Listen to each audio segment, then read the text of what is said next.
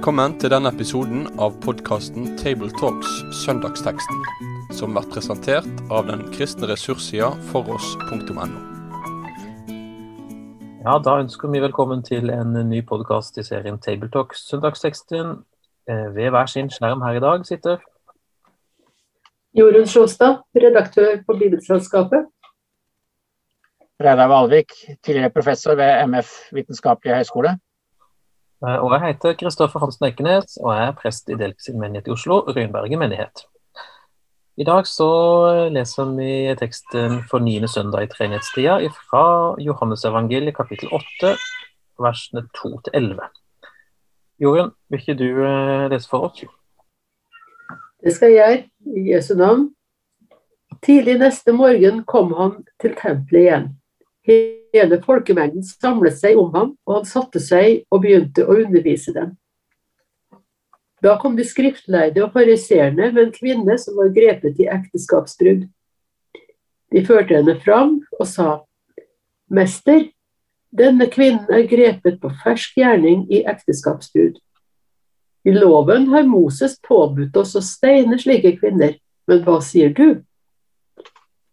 Dette sa de for å sette ham på prøve, så de kunne få noe å anklage ham for. Jesus bøyde seg ned og skrev på jorden med fingeren. Men da de fortsatte å spørre, rettet han seg opp og sa, Den av dere som er uten synd, kan kaste den første steinen på henne. Så bøyde han seg ned igjen og skrev på jorden. Da de hørte dette, gikk de bort én etter én, de eldste først. Til slutt var Jesus alene igjen, og kvinnen sto foran ham. Da rettet han seg opp og spurte, Kvinne, hvor er de? Har ingen fordømt deg? Hun svarte, Nei, Herre, ingen. Da sa Jesus, Heller ikke jeg fordømmer deg. Gå bort, og synd ikke mer fra nå av. Takk for det, Jorunn. Eh, det er en uh, utrolig kjent tekst, og det er jo en uh, gripende og ja, vi nesten, Det er en vakker tekst. Møtet mellom Jesus og denne kvinna. og jeg har hørt mange, mange gode og sterke prekener over denne teksten. Eh, derfor så ble jeg litt grann eh, foruroliga da jeg så fikk 2011-oversettelsen eh, av Bibelen i mine hender. Og ble oppmerksom på at den teksten ikke opprinnelig sto kanskje i Johannesevangeliet. Det er det kanskje flere som har registrert. Og Det kan jo sette, sette oss på noen tanker. og jeg vet Reidar, du har, du har jo registrert at det er sånn. Kan du hjelpe oss med hvordan denne teksten eh, ja, Litt om dens vei. Ja, altså det er, Dette er vel ikke akkurat noe tema for en preken, men det kan være greit for en predikant å vite om dette, med tanke på at man kan få noen spørsmål. Fordi noen kan da ha lest i fotnoten i Bibel 2011, hvor det står om dette avsnittet fra 753 til 811. Ordene mangler i de eldste håndskriftene. En gammel overlevering ligger trolig til grunn for avsnittet. Og det er helt riktig. altså I de vanlige håndskriftene til Johannes-evangeliet, de eldste vi har, så finnes ikke denne teksten. Eh, men teksten og innholdet i den er kjent fra 200-tallet. Det er noen som refererer til historien. Og Det betyr altså at den må ha vært i omløp, selve fortellingen, men den har ikke hatt noen klar plass i uh, Johannesevangeliet. Dessuten så er det jo slik at den skiller seg språklig og stilistisk egentlig fra Johannesevangeliet. Den ligner faktisk mye mer på Lukas. Ja, for det, det, det, er det som er så underlig, hvis du først begynner å legge merke til det. Her er det folkemengden samler seg om Jesus, og det er nesten sånn at du forventer bergprekenen skal komme. Er det liksom litt andre bilder og situasjoner enn vi ofte støtter på? Ja, og det er jo et, I en del håndskrifter så er denne teksten plassert etter Lukas 21, 38. Og i 2138 så står det med at altså, Jesus underviser på tempelplassen. Og Det betyr at denne teksten da ville passe veldig godt inn i fortsettelsen der. Men det er altså ikke der den etter hvert har havnet eh, fast. Den havnet etter hvert fast i Johannes-evangeliet. Men hvorfor den ble plassert her, eh, er ikke helt tydelig. Det vil si, det kan hende det er noen eh, tegn i, eller noen forbindelser i kapittel 8 som gjør at det passer godt inn her. For i Johannes 8, 15 og 16 så sier Jesus dere dømmer slik mennesker gjør, men jeg dømmer ingen. Om jeg dømmer, er min dom gyldig. Og så i 846 kan noen av dere påvise at jeg har syndet. Så det er kanskje når man først skulle være usikker på hvor den hørte hjemme, så har noen som har tenkt at ja, dette passer jo egentlig inn med eh, den sammenhengen. Og så tenker jeg, hvor, hvor har denne teksten da vært henne opprinnelig? Ja, sannsynligvis, eller si, Vi er vel sikre på at den ikke hører med i første, de første utgavene av Johannes-evangeliet. Men hvordan slutter Johannes-evangeliet? Jo, det slutter med følgende ord i 21-25. Men også mye annet har Jesus gjort. Skulle det skrives ned hver enkelt ting, tror jeg ikke hele verden ville romme alle de bøker som da måtte skrives. Så vi, tror, vi står vel overfor en fortelling om Jesus da, som ikke har kommet med i denne mm, Johannes-evangeliet, men som noen har tenkt ja, denne historien om Jesus er så viktig at vi må få den inn. Og så har man tatt seg den frihet å, føye det inn på et, kanskje et usikkert sted. Men det er grunn til å tro at det er en gammel historie som går tilbake til Jesus, som da først seinere har fått sin plass i evangeliet. Ja, for bare for å ta det, altså, slår nå fast at det er en autentisk Jesus-historie, i tilfelle noen liksom lurte på det. Um, og Det er jo ganske lett å peke på, fordi vi kjenner jo Jesus godt igjen her. Han opptrer jo akkurat som han bruker å gjøre i evangeliene ellers. Um, ja. Så det er ikke noen grunn til å tvile på at det som beskrives her, er noe mindre troverdig fordi om selve fortellinga har levd et liv i den muntlige eh, tradisjonen før det havna her på dette stedet. Ja, men Fint. Eh, som du vel sa til å begynne med, det er jo ikke akkurat noe man trenger å ha på en preke, men på en bibeltime eh, eller i en litt annen setting, så kan jo dette være ting som det er godt å få folk å reflektere noe mer over og få litt mer forstand på. Så nå har vi gitt litt videre til dere som sitter og lytter på, da. Um, ja, da er vi tilbake i teksten, og um, jeg har lyst til å starte å kommentere i dag at um, hele settingen, hvis vi tenker på scenen som dras opp her, Eh, hvis det skulle finnes en ekvivalent i vår tid, eh, så må jo det være en slags pressekonferanse på TV eller førsteoppslag i en stor avis. Eh, her er vi altså, ifølge teksten, vi er på i vers 2 der. Hele folkemengden samlet seg om ham. Han satte seg ned, begynte å undervise dem. Da kom de skriftlærde, og det er på tempelplassen, dette. Svært offentlig. Eh, og veldig eh, eksponert situasjon, hvor disiplen, nei, unnskyld, fariseere og de skriftlærde kommer slepende på denne ja, Nå skulle jeg til å si uskyldige dama, men det er hun jo nettopp ikke, og det er faktisk en del av poenget. Men det er en sånn voldsom blottstillelse da, som vi nesten ikke kan forestille oss. Jeg har faktisk kommet med i Bibelen, så det er mange som har fått greie på dette. Så det er en ydmykelse og en veldig sånn ja, voldsom eksponering av noe veldig, veldig privat. Eh, men samtidig som hadde da offentlighetens interesse, fordi det knytter an til Moseloven. Og Så får vi jo snart greie på at dette er jo ikke mm, altså, De som har kommet trekkende med Jesus, er jo ikke først og fremst opptatt av Moseloven, virker det som. Det blir jo sagt rett ut her at de kommer for å sette Jesus på prøve. Og Dermed så tegnes vi jo inn i en veldig kjent eh, historie, egentlig, med striden mellom Jesus og fariseerne og de skriftlærde. Eh, som jeg jo leser om i kapittel 7, forresten, i, i Johannes-evangeliet. da, eh, Og som fortsetter igjen eh, etter denne teksten. Ja, Så det er voldsomt mye en kunne ta tak i her. Skal vi, skal vi hoppe rett i, i materien? Når jeg leste dette her først, ikke første gangen, men i forberedelsene til det her, så leste jeg nettopp i kapittel 7 for å se etter hva er, altså, Er det noen sammenheng her, selv om det da muligens ikke er en sammenheng, så, så, så var det ett uttrykk som slo meg, og det var det som fariseerne og de skriftlærde drev på med i kapitlet før. For der begynner de å skjønne litt av hvem Jesus er, eller hvem han ikke er. Det vil, det vil de kanskje ikke være enige om.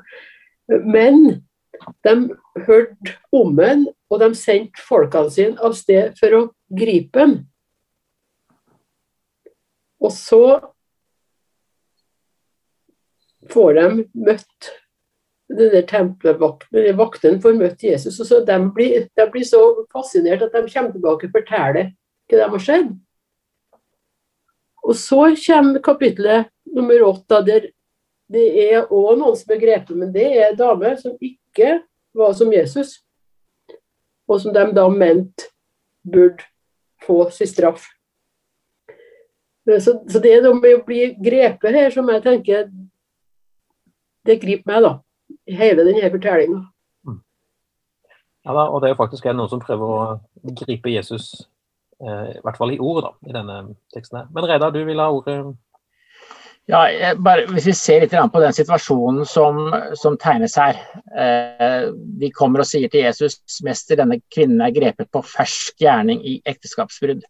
Altså, man, se, man, kan jo prøve å se for seg hva det dreier seg om. Det er noen som er tatt eh, i selve handlingen. Her er det ikke bare at det har gått et rykte om noe, det er noen som er tatt eh, på fersken.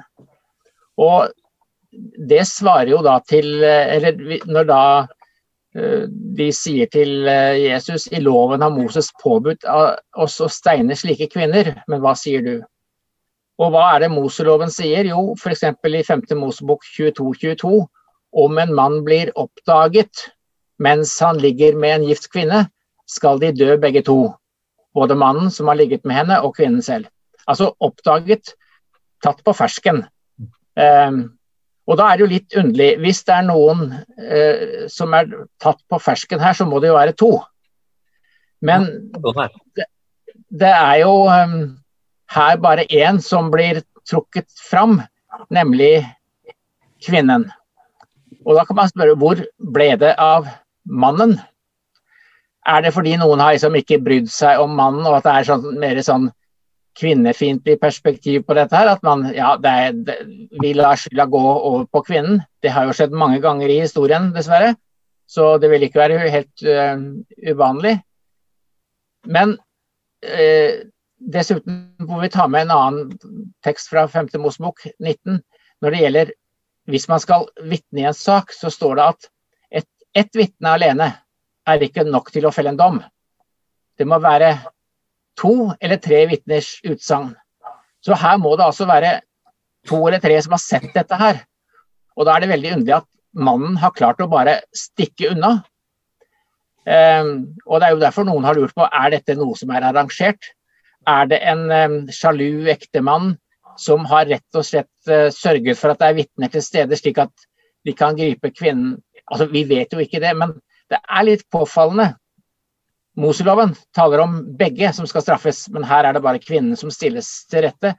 Og det minner dessverre altfor mye om mye som har skjedd gjennom historien. Jeg synes Det er en viktig påpekning. Eh, og så tenker jeg det, det, tegner jo et lite sympatisk bilde av de som nå kommer slepende med henne til Jesus. Eh, for de har ikke brydd seg om å ta hele loven på alvor, nettopp ved at en skulle da eh, anklage mannen. men blir, denne dama da bare en brikke i dette spillet som eh, de spiller nå overfor Jesus, og skal prøve å få ham til å gå på limpinnen. da. Enten overfor eh, Moseloven, fordi Jesus visste like godt som de andre hva som var loven, eller overfor da den romerske overmakten som, hadde, som var den eneste som hadde rett til å, å um, idømme dødsstraff. Eh, som da egentlig Moseloven i dette tilfellet krever. Så Hvis Jesus sier nei, hun trenger ikke straffes, så kan han ikke være Messias, for da følger han ikke loven. Hvis han sier ja, hun skal steines og straffes og dø, så ypper han til bråk med de romerske myndighetene. Og da er ikke det heller så bra, for å si det sånn. Så det er jo en skikkelig sånn tilspissa situasjon med de mest skitne motiver antagelig man kan tenke seg. Og en uskyldig ja, altså ikke helt uskyldig, men en, i hvert fall en kvinne da, som blir en, et objekt eh, i denne saken her. Eh, og det er dessverre altså ikke noe nytt. Ja, men um, tilbake i teksten. Um, Jesus han virker ikke som han på en måte Han tar jo ikke til motmæle, han bøyer seg ned, han. Uh, og nå har vi jo spekulert litt i hva, hvordan denne scenen har kommet i stand. og Mange har spekulert på hva Jesus nå skriver, for det er det det står at han gjør. Han skrev på jorden med fingeren. Um, og Vi vet jo selvfølgelig heller ikke hva han skriver. Um, noen har kommentert at det er en slags måte å kjøpe seg litt tid på. At han på en måte velger å ikke helt ta stilling til uh, det som skjer, og på en måte bare vente på neste trekk fra motparten. En slags sånn der uttalingstaktikk.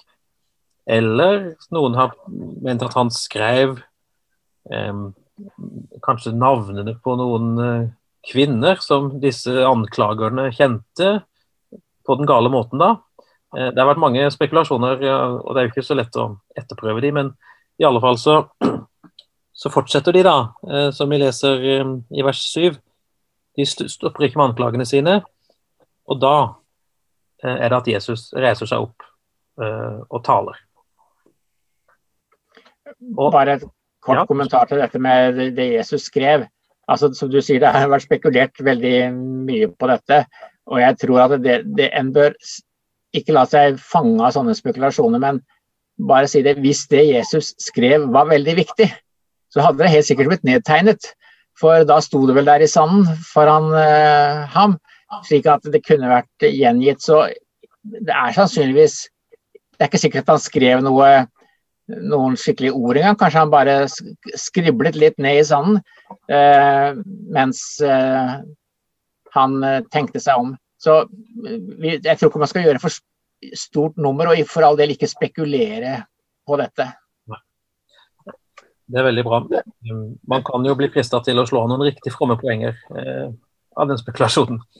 Vel, eh, men han retter seg opp, eh, og da skjer jo det som ofte skjer med Jesus. Han har en ja, jeg holdt på å si, Det er jo kanskje en underdrivelse å si en gudgitt evne da, til å håndtere alle disse fellene som eh, fariseerne og de skriftlige setter opp for ham. Eh, for han, han sier bare 'Den av dere som er uten synd, kan kaste den første steinen på henne'.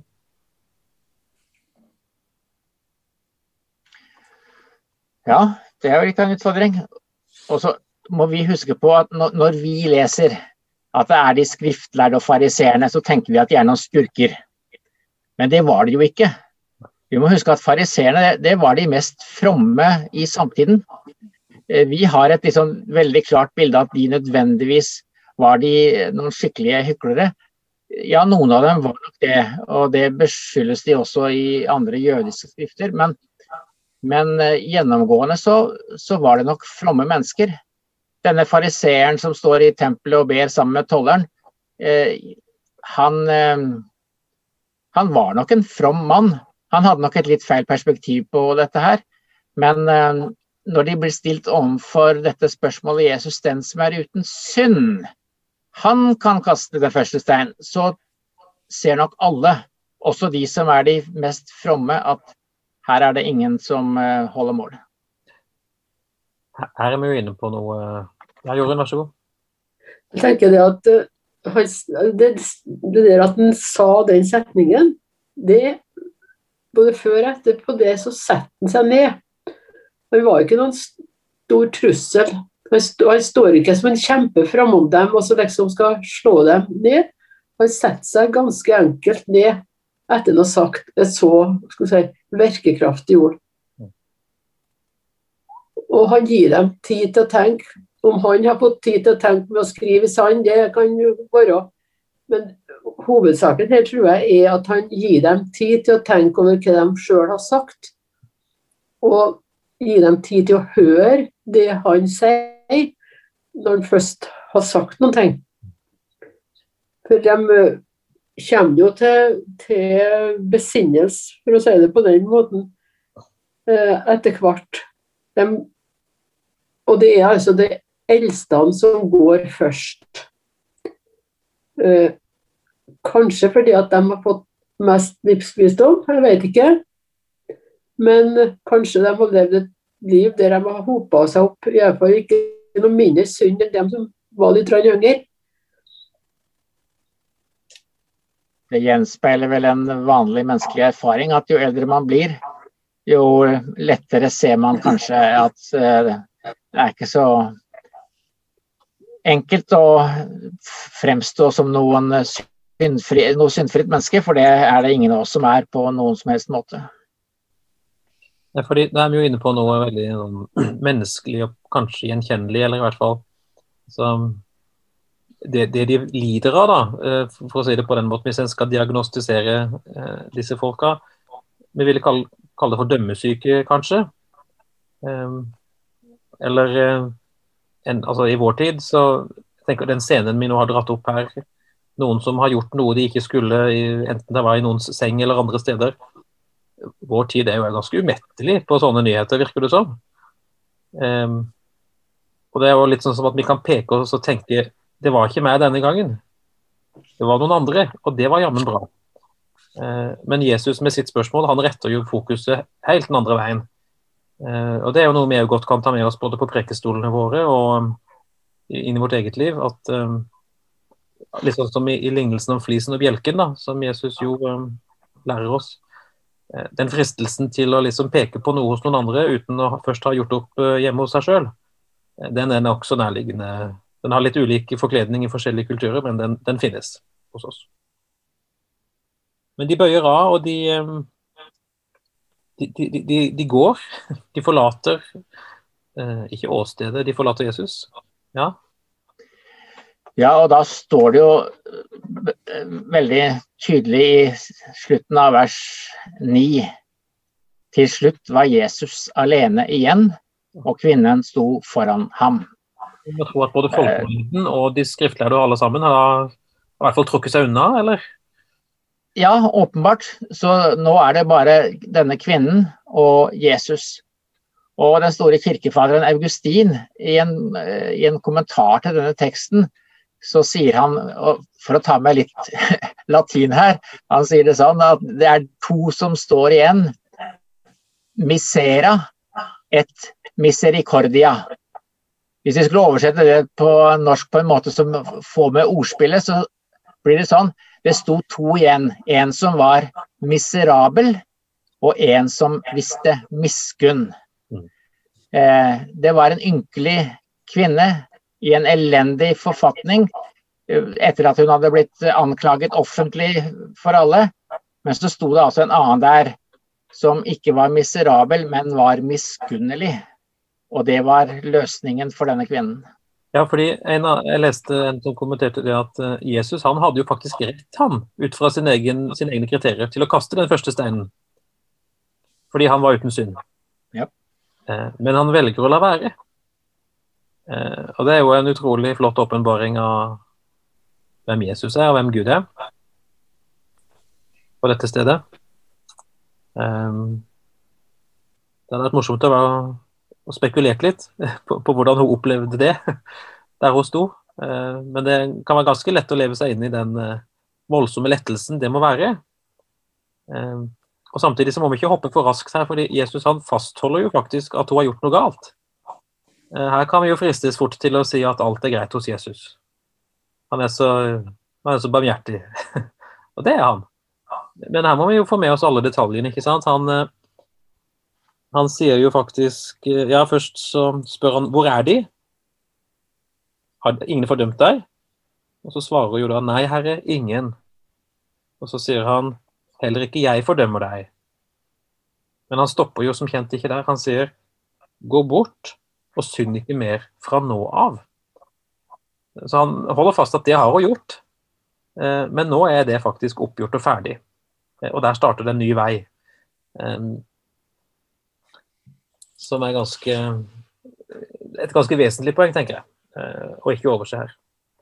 Ja, jeg også tenker det er kjempevesentlig. For det, det er en god del forkynnelse som jeg har registrert, eller kommentarer til denne teksten, som bare sier at ja, Jesus tilgir uten Det er ikke noen grenser for hans tilgivelse. Men da gjør man jo ikke sånn som du nå sa, man leser jo ikke hele teksten. Eh, han forkynte også loven, for å si det sånn, hvis vi skal bruke det klassiske lutherske lov og evangelium. Han forkynte loven 'gå bort og synd ikke mer'. Eh, og det må vi ikke glemme. Men det er klart at det viktigste budskapet for oss alle, det er jo at uh, Jesus ikke fordømmer denne kvinnen, og heller ikke oss andre, uh, uansett hva slags synd det er tale om. Vi får egentlig i, i denne fortellingen en uh, virkeliggjøring av det som står i Johannes 3, 17. Gud sendte ikke sin sønn til verden for å dømme verden, men for at verden skulle bli frelst ved ham. Og Det er jo det som er nøkkelen for, for denne kvinnen. Det er et møte med Jesus hvor hun blir reist opp igjen og sendt ut til å leve et nytt liv. Da får man denne spenningen mellom lov og evangelium som eh, er så viktig i den lutherske tradisjonen. Jeg har tenkt litt på det. Det går litt i samme veien. Altså, jeg undres på hva denne kvinna visste om Jesus før hun møtte ham.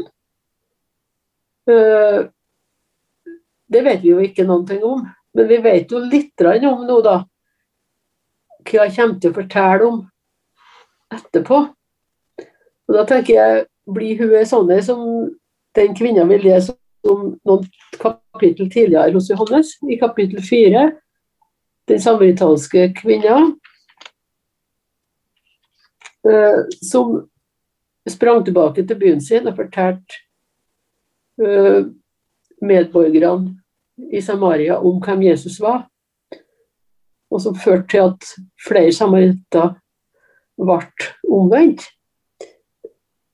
Det er av og til tenkt på det i forlengelse av denne teksten. Hva, hva skjedde? Hvordan virka det møtet med Jesus inn på denne dama? Det var noen fariseere og skriftlærere som fikk svar på noen ting de var spurt om. Men det var òg et menneske som kanskje ikke har spurt engang om hvem Jesus var, som fikk vite noen ting. Mm. Det er jo Jeg tenker det er stor forskjell på å si 'gå bort og synd ikke mer'. Eh, det kunne jo fariseerne og de skriftlige ha sagt etter å ha tatt henne på fersken. Eh, men, men, det ville sannsynligvis landa på en veldig annen måte. For Da ville du fortsatt stått der med skammen og skylda, ikke sant. Eh, men den store forskjellen her er jo hvem som sier det, og med hvilket eh, sinnelag så å si det sies, eller med hvilken kjærlighet. Eh, tenkte jeg bare skulle gjøre oppmerksom på en av lesetekstene for dagen. Eh, 1. Korinterbrev 4, vers 5. Der sier Paulus.: Døm ikke før tiden, før Herren kommer. Han skal få frem i lyset det som er skjult i mørket og avsløre hjertets tanker. Um, og Det er for så vidt det Jesus her nå gjør overfor de skriftlærde fariseerne. Han avslører det som var skjult hos de, eh, som de kanskje visste om, men som ikke de andre står. Um, men så er det nettopp det at det er han som skal gjøre det. Og som uh, skal ikke vi fristes til å dømme før tiden, dvs. Si altså så å si blande oss bort i Guds saker. og Det kan jo være ganske berusende, uh, sånn som vi har vært litt inne på, å avsløre noen andres feil. Men det er altså ikke vårt kall, da. Ja eh, Er det med flere ting vi gjerne skulle kommentere? Vi skal vel snart gå inn for landing, tenker jeg. Syns vi har fått, uh, fått, en god prat om den teksten. Som en sånn kanskje forslag på en slags avslutning, så syns jeg jo det Augustin-sitatet er veldig flott møtet mellom den barmhjertige og den som trenger barmhjertighet, eller miskunn.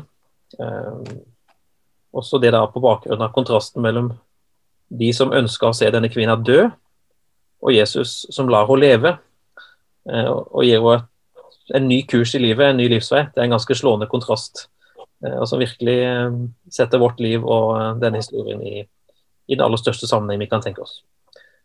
Og Med det så ønsker vi alle predikanter og andre som jobber med den teksten, lykke til og Guds velsignelse i arbeidet, og takker for oss eh, for denne gang.